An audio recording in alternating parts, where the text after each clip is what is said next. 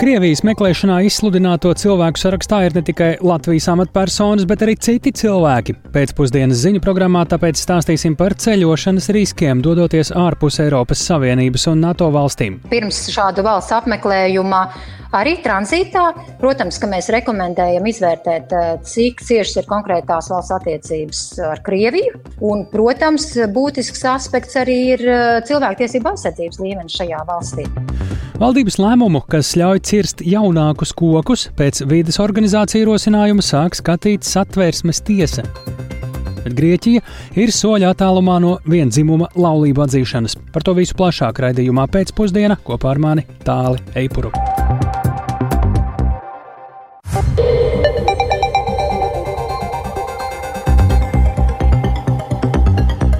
16,5 minūtes. Skan pēcpusdienas ziņu programma, skaidrojot šodienas svarīgus notikumus. Studijā Tālis Eipors. Labdien! Latvijas ārlietu ministrija šorīt izsaukusi Krievijas vēstniecības pagaidu pilnvaroto lietvedi, kuram izteikts nosodījums par Latvijas esošo un bijušo amatpersonu izsludināšanu starptautiskajā meklēšanā.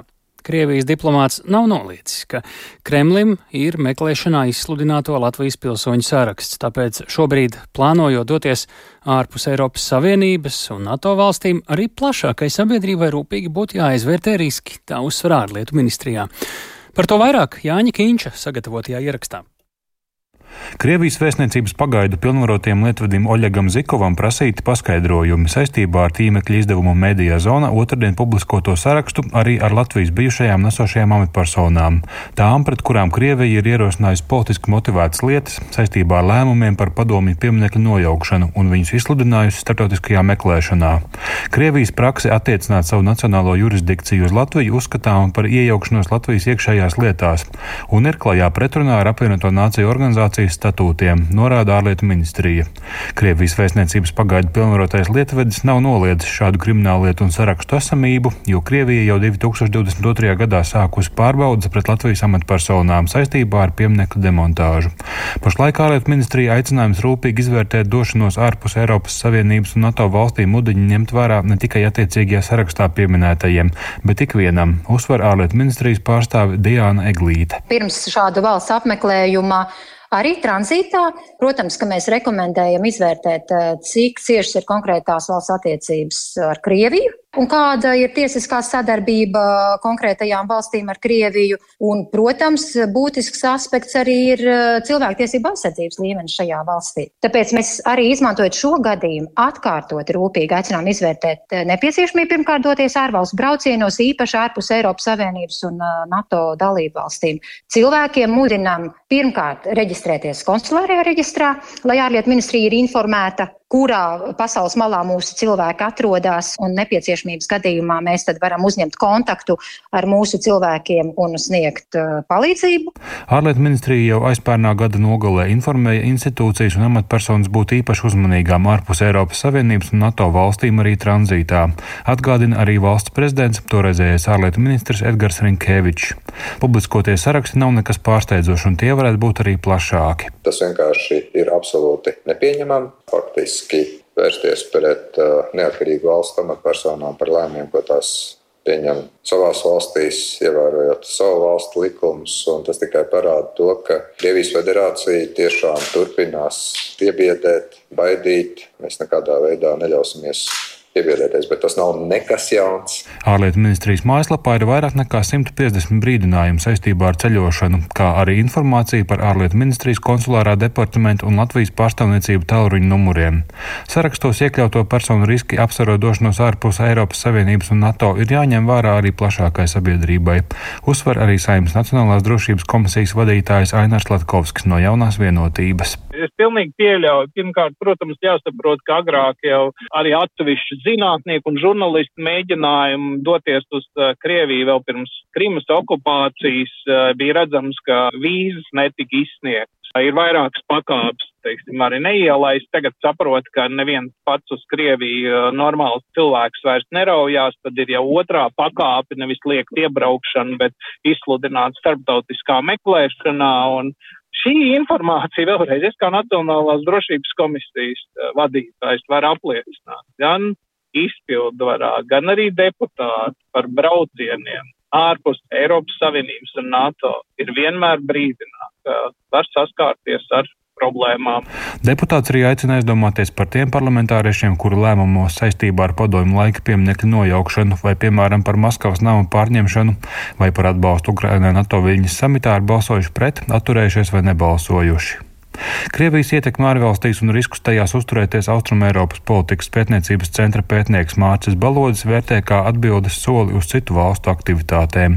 Viņš atgādina par aizturēto apmainīšanu, ko Krievija vairāk kārt realizējusi tas risks īpaši paaugstinās, dodoties uz NVS valstīm, kurām, teiksim, attiecības ar Krieviju ir labākas, atvērtākas. Un saprotams, ka Krievijai visvairāk, protams, arī interesē, teiksim, teiksim, lēmumu pieņēmēji, tās ir amatpersonas, bet, protams, arī nevajadzētu. Ja histērijā kristijā, ka uzreiz kolīdz pārkāps Eiropas Savienības vai NATO robežu, uzreiz nozīmēs, ka uzreiz izdošana Krievijai nav gluži tā, jā, ka visas valsts ir gatavas sekot Krievijai un tās norādēm. Bet, eh, principā, raugoties ilgtermiņā, ir jārēķinās, jā, ka Krievija ir, ir gatava spērt dažādus soļus, lai nepaliktu atbildi parādā. Jānis Vincis, Latvijas radio. Latvijā jau septiņus gadus vērojams būtisks dzimstības kritums. Ik gadu piedzimst vidēji tūkstoši bērnu mazāk nekā iepriekšējā gadā, turklāt pagājušajā gadā piedzimuši 14 tūkstoši bērnu, un tas ir jau par gandrīz diviem tūkstošiem mazāk nekā gadu iepriekš. Bērnu katrā mēnesī dzimušo bērnu skaits ir vēsturiski viszemākais. Kā veicināt dzimstību? Risinājumus šodien meklēja Saimnes ilgtspējīgas attīstības komisijas deputāti un plašāk stāsta kolēģe Sandra Dieziņa. Lai arī pirms diviem gadiem apstiprinātajās bērnu, jaunatnes un ģimenes attīstības pamatnostādnēs 2022. un 2027. gadam noteikts, ka tiks veidota dzimstības stratēģija, taču tas nav noticis. Saimnes ilgtspējas attīstības komisijas sēdē plašas diskusijas izraisījās par to, kurš būs atbildīgais dzimstības stratēģijas plāna izstrādē.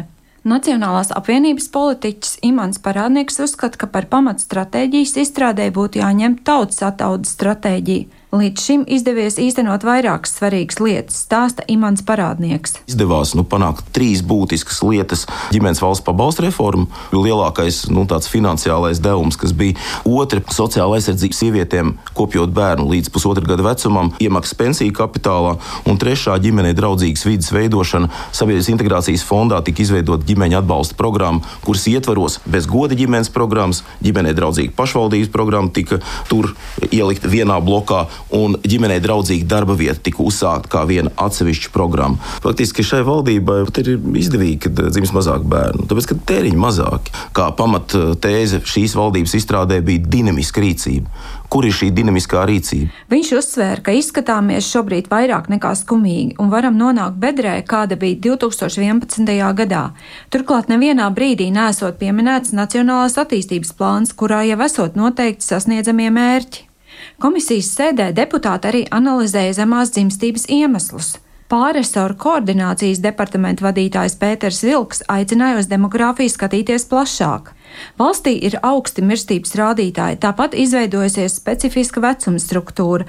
Demogrāfija cieši saistīta ar iedzīvotāju dzīves līmeni un pakalpojumu nodrošināšanu. Tāpat būtu jārunā arī par remigrāciju, ārējo naudas cēloņu samazināšanu, reproduktīvo veselību un mājokļu pieejamību. Pēdējo trīs gadu laikā summārais dzimstības koeficients samazinājies no 1,67 līdz 1,34 šogad, un to ietekmējuši papildus negatīvie faktori - karš Ukrainā un dzīves sadārdzināšanās. Deputāti bija viensprāts, ir jāmazina īstermiņa nedrošība un jānodrošina finanšu stabilitāte ģimenēm, lai tās neatliktu plānus radīt bērnus. Komisijas deputāte lūdza Labklājības ministriju uzņemties atbildību un izstrādāt dzimstības stratēģiju. Komisijas vadītājs Uģis Mitrēvits cer, ka šie jautājumi netiks vispārnāti uz kopējo jautājumu loku. Tas arī būtu tas dokuments, kas jau precīzi identificētu cēloņus, kamdēļ mūsu dzimstība ir katastrofālā bezdibenī šobrīd, kādi tad ir tie modelētie datos balstītie risinājumi un sniegt priekšlikumus un šo priekšlikumus eh, īstenot. Trešie, ceturtie bērni dzimis ģimenē un šis procents jau šādu ģimeņu skaits Latvijā ļoti lielā īpatsvarā. Līdz ar to šobrīd tas primārais uzdevums jau šajā stratēģijas ietvarā ir atrast līdzvērtīgas vai tikpat veiksmīgas atbalsta programmas pirmā un otrā bērniņa nākšanai pasaulē, kas atkal varētu dot tādu uzrāvienu jaunajām ģimenēm pieņemt šādus lēmumus. Jāņem vērā, ka dzimstība samazinās ne tikai Latvijā, bet šāda tendence ir daudz viet Eiropā. Plānots, ka labklājības ministrija līdz 15. martam gaidīs priekšlikums, bet līdz 1. jūlijam tiks sagatavots gala ziņojums par demografiskās politikas attīstību. Šie jautājumi ir visu ministriju atbildības lokā, uzsvēra deputāti. Sandra Dieziņa, Latvijas radio. Ļoti svarīga demografiskās situācijas sastāvdaļa ir izglītība, un te jāsaka, ka situācija ar zināšanām par reproduktīvo veselību Latvijā neuzlabojas, tāpēc straujāk jāvirzās uz veselības mācības ieviešanu skolā. Tā šodien lēma saimnes deputāti un atbildīgās ministrijas, un arī eksperti uzsver, cik būtiski ir izglītot bērnus arī pieaugušos, tā skaitā vēl. Vienlaikus taps zināms, ka organizācija Papards Zieds pārtrauks izmantot Beļģijā radītus metodiskos materiālus speciālistu izglītošanai, jo tiesības sargs tos atzīst par neatbilstošiem. Vairāk situācijā līdzi sako Paula Dēvica. Paula, saki, kas tad ir šie metodiskie materiāli, ko, acīm redzot, pārtrauks izmantot papards zieds, un kāpēc tad tiesības sargs uzskata, ka tie nav atbilstoši izmantošanai? Sveiks, tāli! Es iesākumā atgādināšu, ka jā, tieši šodien Saimas cilvēktiesību komisijā deputāti un atbildīgās ministrijas nolēma straujāk virzīties pretī šīs seksuālās izglītības ieviešanai skolās. Un dati, diemžēl, rāda, ka problēmas, ko esam arī iepriekš izcēluši, tas ir nepilngadīgo grūtniecības, tostarp agrīni aborti, seksuāli transmisīvo slimību izplatība, arī dzimumu noziegumi, šīs problēmas mazumā neiet. Un uh, nozars organizācija veiktos pētījumos apstiprinās, ka lielākais cēlons ir izglītības trūkums par šiem jautājumiem un zināšana trūks ne tikai bērniem uh, un vecākiem, bet arī speciālistiem. Un tā tad jā, šī ziņa par to, ka papards ziets Eh, ir īpaši būtiska šajā kontekstā par to, ka viņi pārtrauc izmantot šos materiālus. Tātad eh, tas ir eh, metodisko materiālu kopums, kas palīdz speciālistiem izprast bērnu un jauniešu seksuālo attīstību un uzvedību, kā arī saprast, kāda seksuālā uzvedība ir atbilstoša konkrētos vecumposmos. Kāpēc tā tiek pārtraukta? Jo tiesības sarga vērtējumā tā neatbilst Latvijas normatīvajiem aktiem un veicina kaitniecisku uzvedību. Paklausīsimies tiesības sarga biroja pārstāvi Rutu Siliņu. Kā viens no tādiem piemēriem, kas šajā sensuālā grāmatā tika minēts, ka tajā situācijā, kad nu, bērnam ir kādas tādas romantiskas attiecības vai vienalga kādas attiecības ar citu cilvēku, ka viņš drīkst atkārnāties kameras priekšā. Bet mēs pilnīgi visi zinām, ka interneta vide un arī tad, ja tev šķiet, ka pretī sēž tavs draugs, ka atkārnāšanās ir ļoti liels risks, ka šis cilvēks var to nofilmēt un ielikt pēc tam arī sociālo mediju vidē un izmantot pilnīgi citiem mērķiem.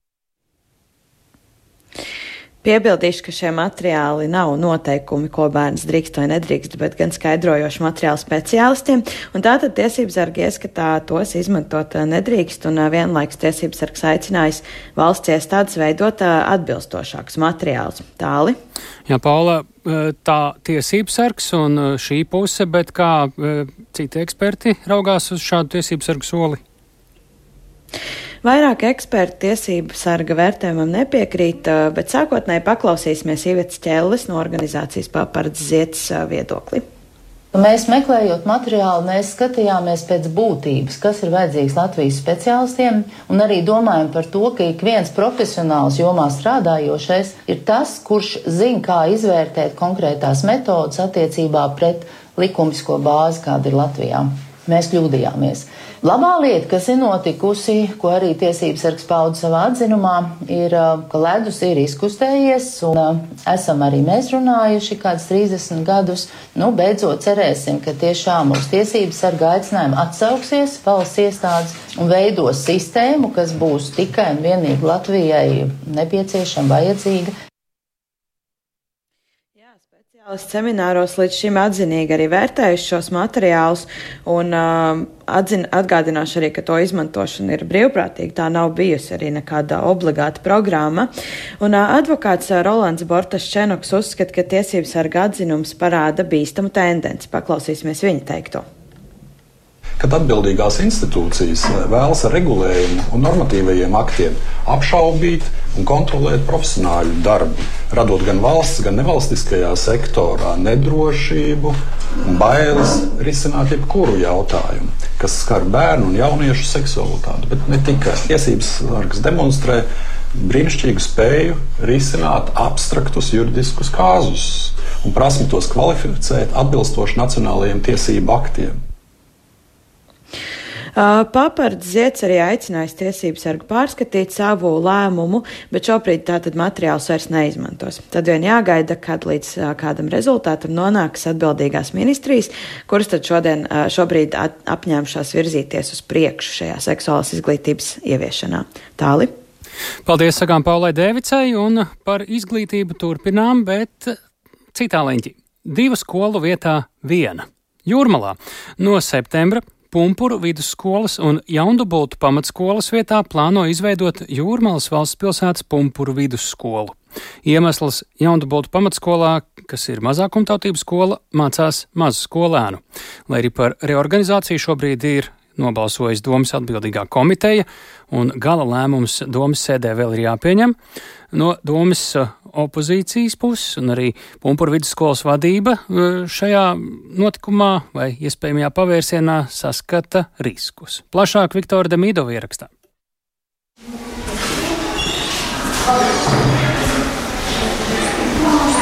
Jūrmalas pumpura vidusskolā mācās vismaz 900 skolēnu. Savukārt Jaundubultu pamatskolā, kas atrodas pāris kilometru attālumā virzienā uz Rīgu, mācās trīs reizes mazāk skolēnu. Ņemot vērā ministrijas gaidāmo izglītības sistēmas reformu, pašvaldības domes izglītības jaunatnes un sporta komiteja nobalsoja par abu pieminēto skolu reorganizēšanu. Sašutumu par to sociālajā platformā Facebook pauž pumpura vidusskolas absolvente operdziedātāja Evija Mārtiņsone, uzskatot, ka reformas dēļ gars vienā no Latvijas labākajām skolām būs iznīcināts, jo pašvaldība plāno apvienot latviešu skolu ar mazākumtautību. Pumpura vienmēr bijusi ļoti cilvēku iekšējām vērtībām vērsta skola, kur vienmēr ir bijis galvenais cilvēks, nevis kādi laiki vai partijas. Šī skola apvienošana, manuprāt, ir vienkārši neprāts, jo tiek apvienotas diezgan skolas ar dažādām vērtību sistēmām. Proti, pumpuri vienmēr bijuši ļoti izteikti latviska skola, un jaundabūta skola ir vienmēr bijusi arī manā laikā, kad es tur mācījos, un arī tagad skola ar izteikti, nu, krieviskām vērtībām. No pieciem komitejas deputātiem par lēmumu balsot atturējās vien opozicionārs Jānis Asars no Nacionālās apvienības. Viņš apgalvo, ka doma no atbildīgās ministrijas saņēma aicinājumu reorganizēt vienu vidusskolu, padarot to par pamatskolu un likvidēt jaundubultu pamatskolu, piedāvājot to pievienot majoru vai pumpuru vidusskolai. Asars uzskata, ka jaundubultu skolu ir jāpievieno pumpuru vidusskolai, nevis abās jāveic reorganizācija tiek uzlikts papildus gan administratīvs, gan juridisks sloks jaunajai skolas administrācijai. Pilnībā jauna iestāde tiek veidotas, nu, visas adreses, visas nomaiņas. Tā, tas gan prasa gan laiku, gan, domāju, arī finanšu resursus. Precīzi aprēķinu mēs neguvām vakardienas komitejas sēdē, bet nu, es domāju, tas tāpat kaut kādu ievērojamu resursu prasīt. Jūrmalas izglītības pārvaldē skaidro, ka izmaiņas notiks pamatā juridiski. Skolēni mācības turpinās esošajās telpās, arī mācību programmas pārējies posmā, kas ilgs nezināmu laiku, notiks pēc līdzšinējā principa.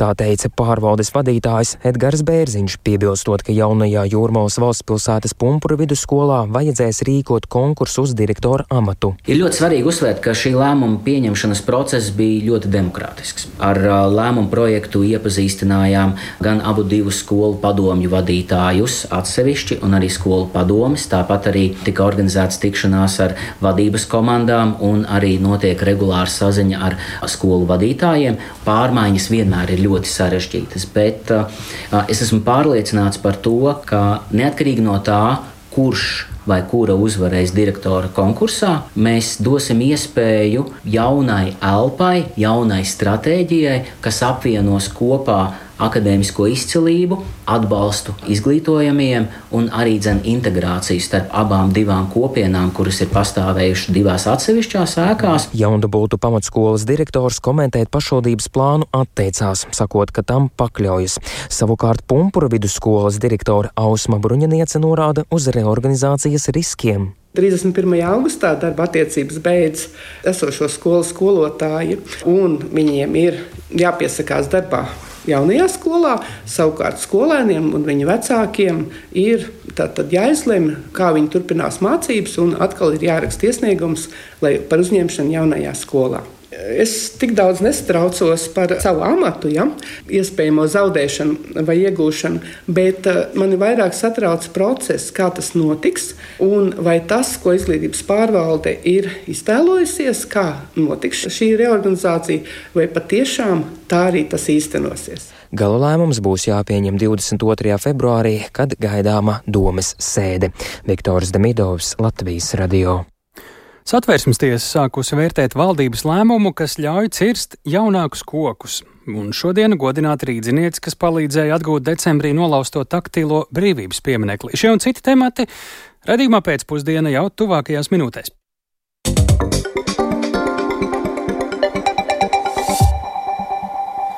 Debats par likumprojektu, kas atļaus vienzimuma laulības, šodien notiek Grieķijas parlamentā. Lai arī par šo jautājumu notikusi izšķelšanās valdošajā konservatīvajā partijā Jaunā demokrātija, Paredzams, ka jau rīt vairākums deputātu likumprojektu atbalstīs. Grieķijas premjerministrs Kirjaks Mitsotakis uzstāja, ka visiem pilsoņiem ir jānodrošina vienādas tiesības.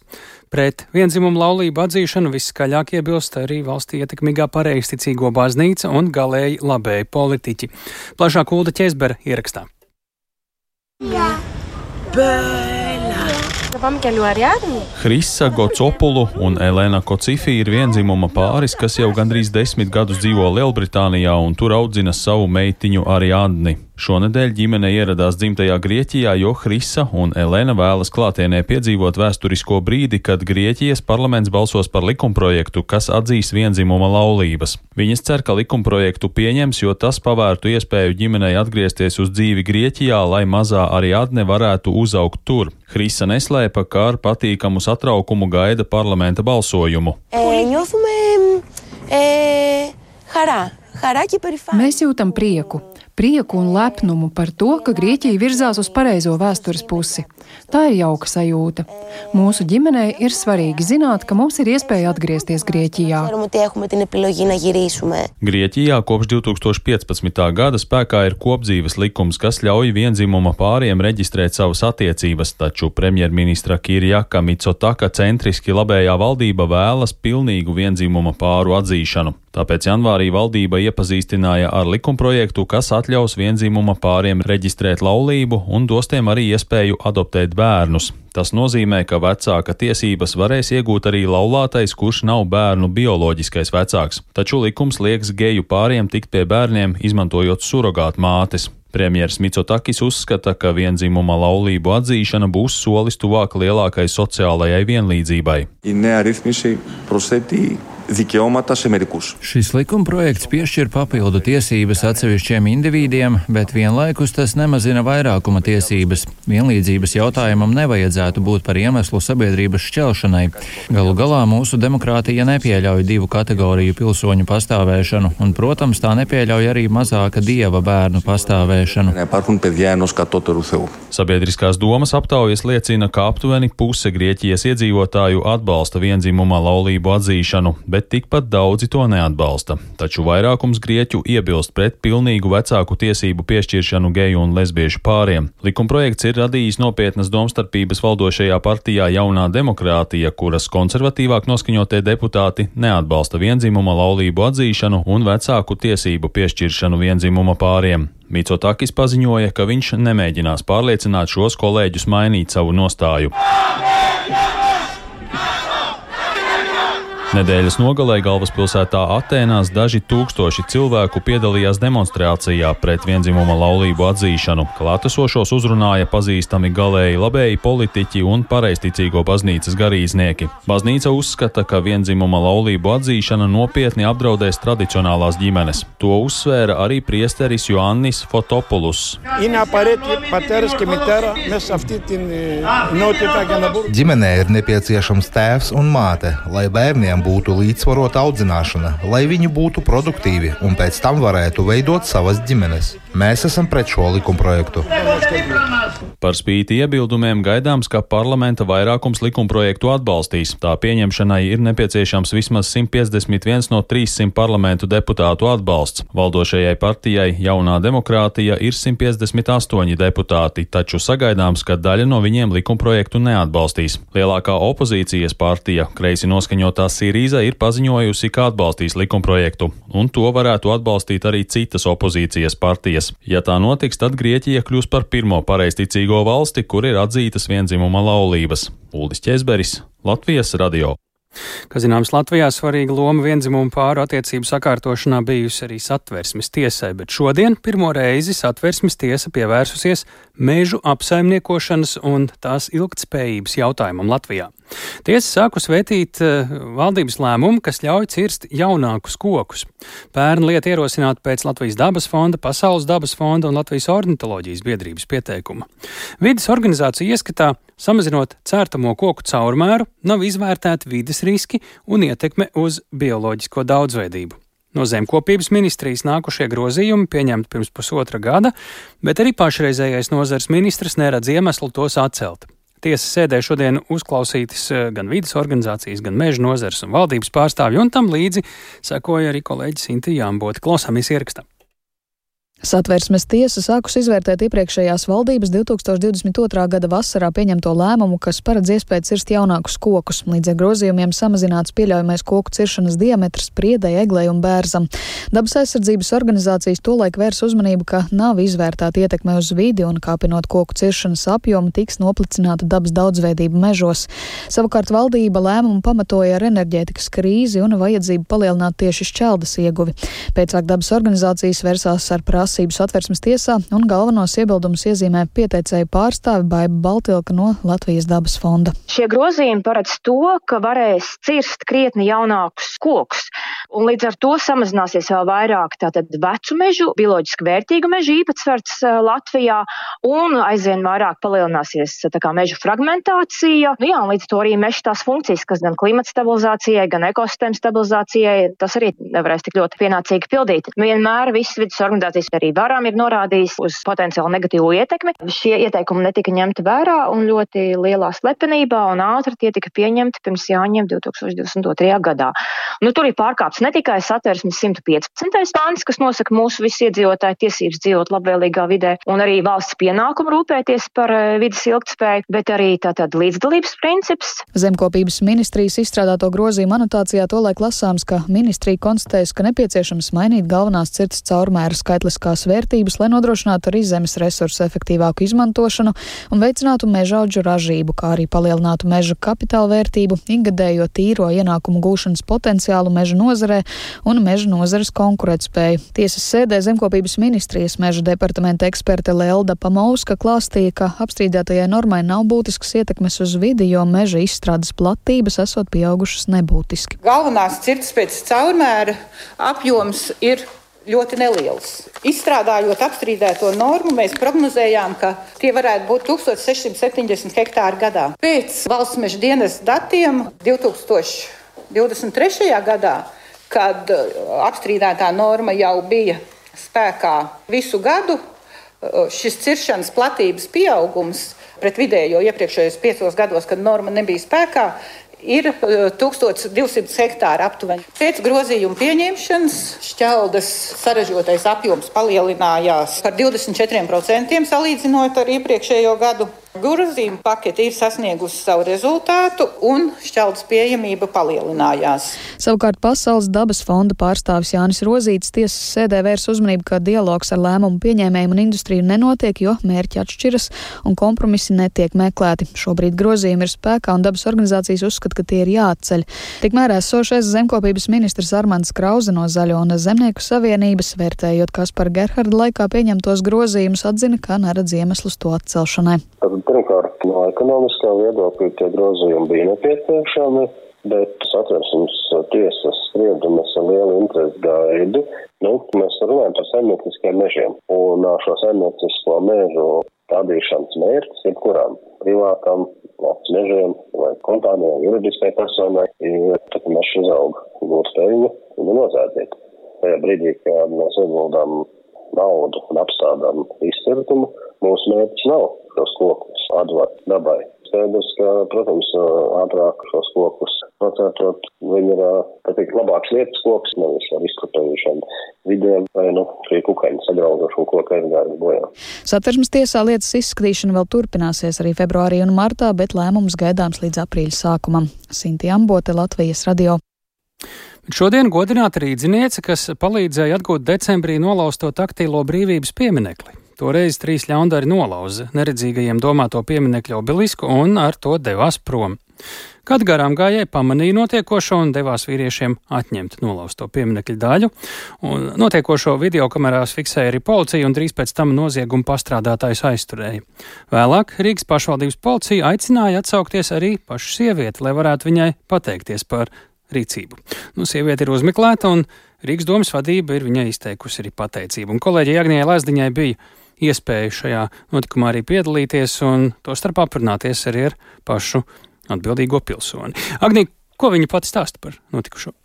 Jā, nu, sākumā jau jāatzīst, ka pēc notikuma vismaz daļēji jau tevis dēļ tāli sieviete tika uzmeklēta, proti tava ieraksta sociālo tīklu vietnē X, jeb Twitter, kur atsaucoties uz Rīgas pašvaldības policijas publicēto video, kurā redzams viss notikums, tu publicēji, ka būtu varani, ja noķertu ne tikai trīs lauzēju kompāniju, kas arī tika izdarīts, bet arī sazīmētu pieminekļa vietā nolicēju un celtu godā. Nu, lūk, drīz vien Rīgas pašvaldības policija aicināja atsaukties sievieti sievieti, kura iesaistījās šajā konkrētajā gadījumā, izglābjot nolaustu obelisku.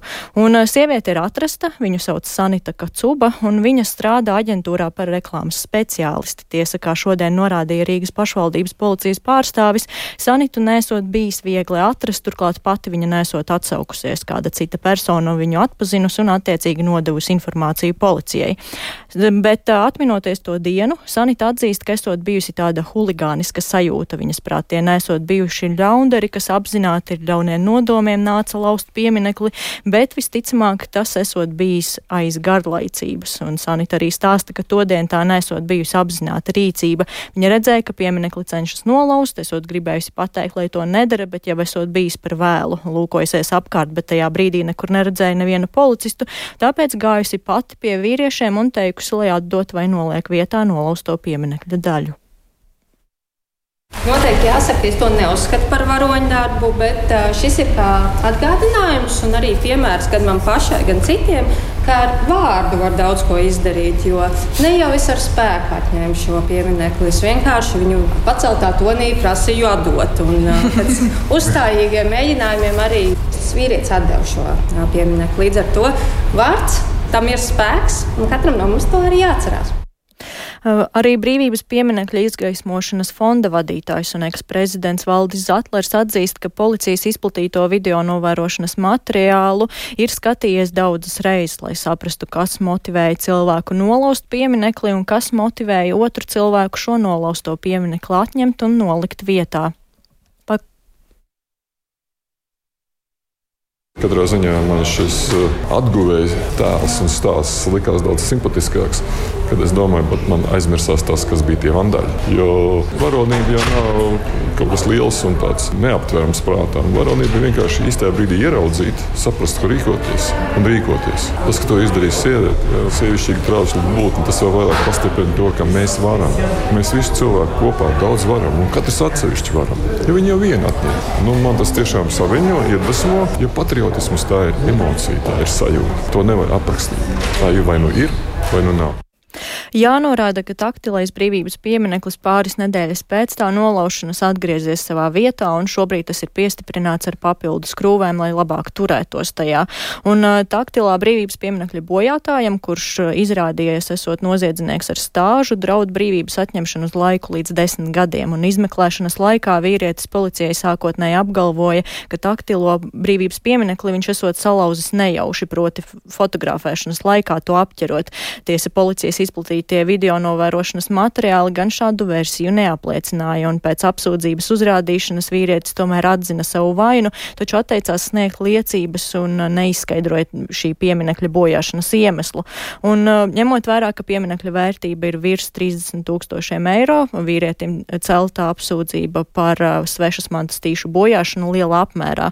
Un par šādu noziegumu izdarīšanu paredzēts sots brīvības atņemšanu uz laiku no trīs mēnešiem līdz desmit gadiem ar probācijas uzraudzību uz laiku no viena līdz trīs gadiem vai bez tās.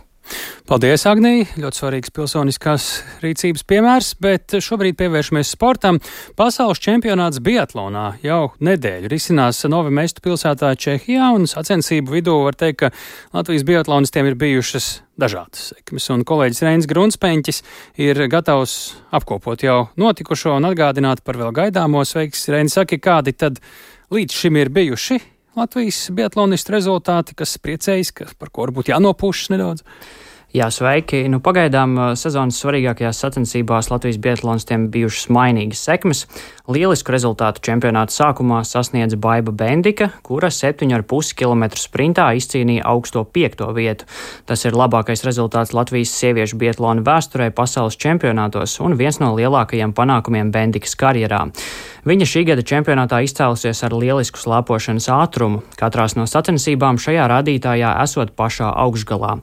Tas viss neskatoties uz to, ka sagatavošanos čempionātam viņa aizvadīja Latvijā. Tiesa, vakar individuālajās sacensībās Bendiku pievīla šaušana, viņai ierindojoties 167. vietā. Vīriešu izlases līderis Andrejs Rastorgujevs sprintā izcīnīja 12. vietu, kaut arī abas šaušanas viņš veica nekļūdīgi. Ņemot vērā, ka janvārī viņš aizvadīja gan visus trīs pasaules kausa posmus, gan arī pilnu Eiropas čempionātu, Rastorgujevs iespējams vēl nav pilnībā atjaunojies un šobrīd nav savā labākajā formā. Lai cīnītos par augstākajām vietām, viņam jāuzlabo ātrums distancē. Savukārt eh, pārējie Latvijas bietlonisti diemžēl nav tikuši augstāk neviens par 69. vietu, un no viņiem gan varētu gaidīt arī nedaudz augstākus rezultātus. Tāli. Jā, Reini, nu, es skatījos, te viens no sacensībām izskatās, ka tur tā slēpošana tādā zaļā mežā, kur apkārt no sniega nemiņas. Eh, kādi ir tie sacensību apstākļi šobrīd Čehijā, kāda arī skatītāja interese šobrīd? Jā, laikapstākļi Nova Mesto patiešām ir diezgan silti, taču neskatoties uz to, pati trase ar mākslīgo sniegu ir ļoti labi sagatavota. Baiba Bendika pat atzina, ka siltā laikā viņa nav nereiz redzējusi tik labi sagatavotu trasi. Savukārt bijušais bietlonists un bietlona komentētājs Gundars Upenieks norāda, ka trases sagatavošana šādos apstākļos prasa milzīgus finansiālus un cilvēku resursus, taču organizatori ir paveikuši labu darbu, lai sportisti neizjustu diskomfortu. Jā, no organizatora izdarīšana milzīgu darbu. Atcerēsimies ar to, kā iesākās čempionāta iebraukšanas dienas ar milzīgu vētru, salauztiem reklāmas stendiem, kokiem izgāstiem un tā tālāk. Un pirmās divas, trīs dienas treniņi notika par roā, citi pat brauca ar rolleriem trenējās, jo trases vienkārši nevarēja to darīt. Pēc tam šis nepārtrauktais lietus pagājušajā nedēļā, un kā redzam, ka dabīgā sniega tur nav nemaz, viss ir mākslīgais, bet no organizatori bija sarūpējuši tik daudz mākslīgā sniega, kad arī projām ir lielas rezerves. Un, protams, ka viņi arī, protams, no sāla šo sniegu, lai viņš turētos, lai sportiski būtu maksimāli cieta trase. Tālūk, Bietlāna komentētājs Gundars Upenieks. Bet, eh, kas attiecas uz skatītāju interesi, tad 16,000 eh, skatītāju ietilpīgās tribīnes, kā tas jau ir ierasts Bietlāna pasaules čempionātos, ir pilnībā aizpildīts gandrīz katrās sacensībās, tajā skaitā arī darbdienās. Tās ir gandrīz pilnas. Tāli. Mhm.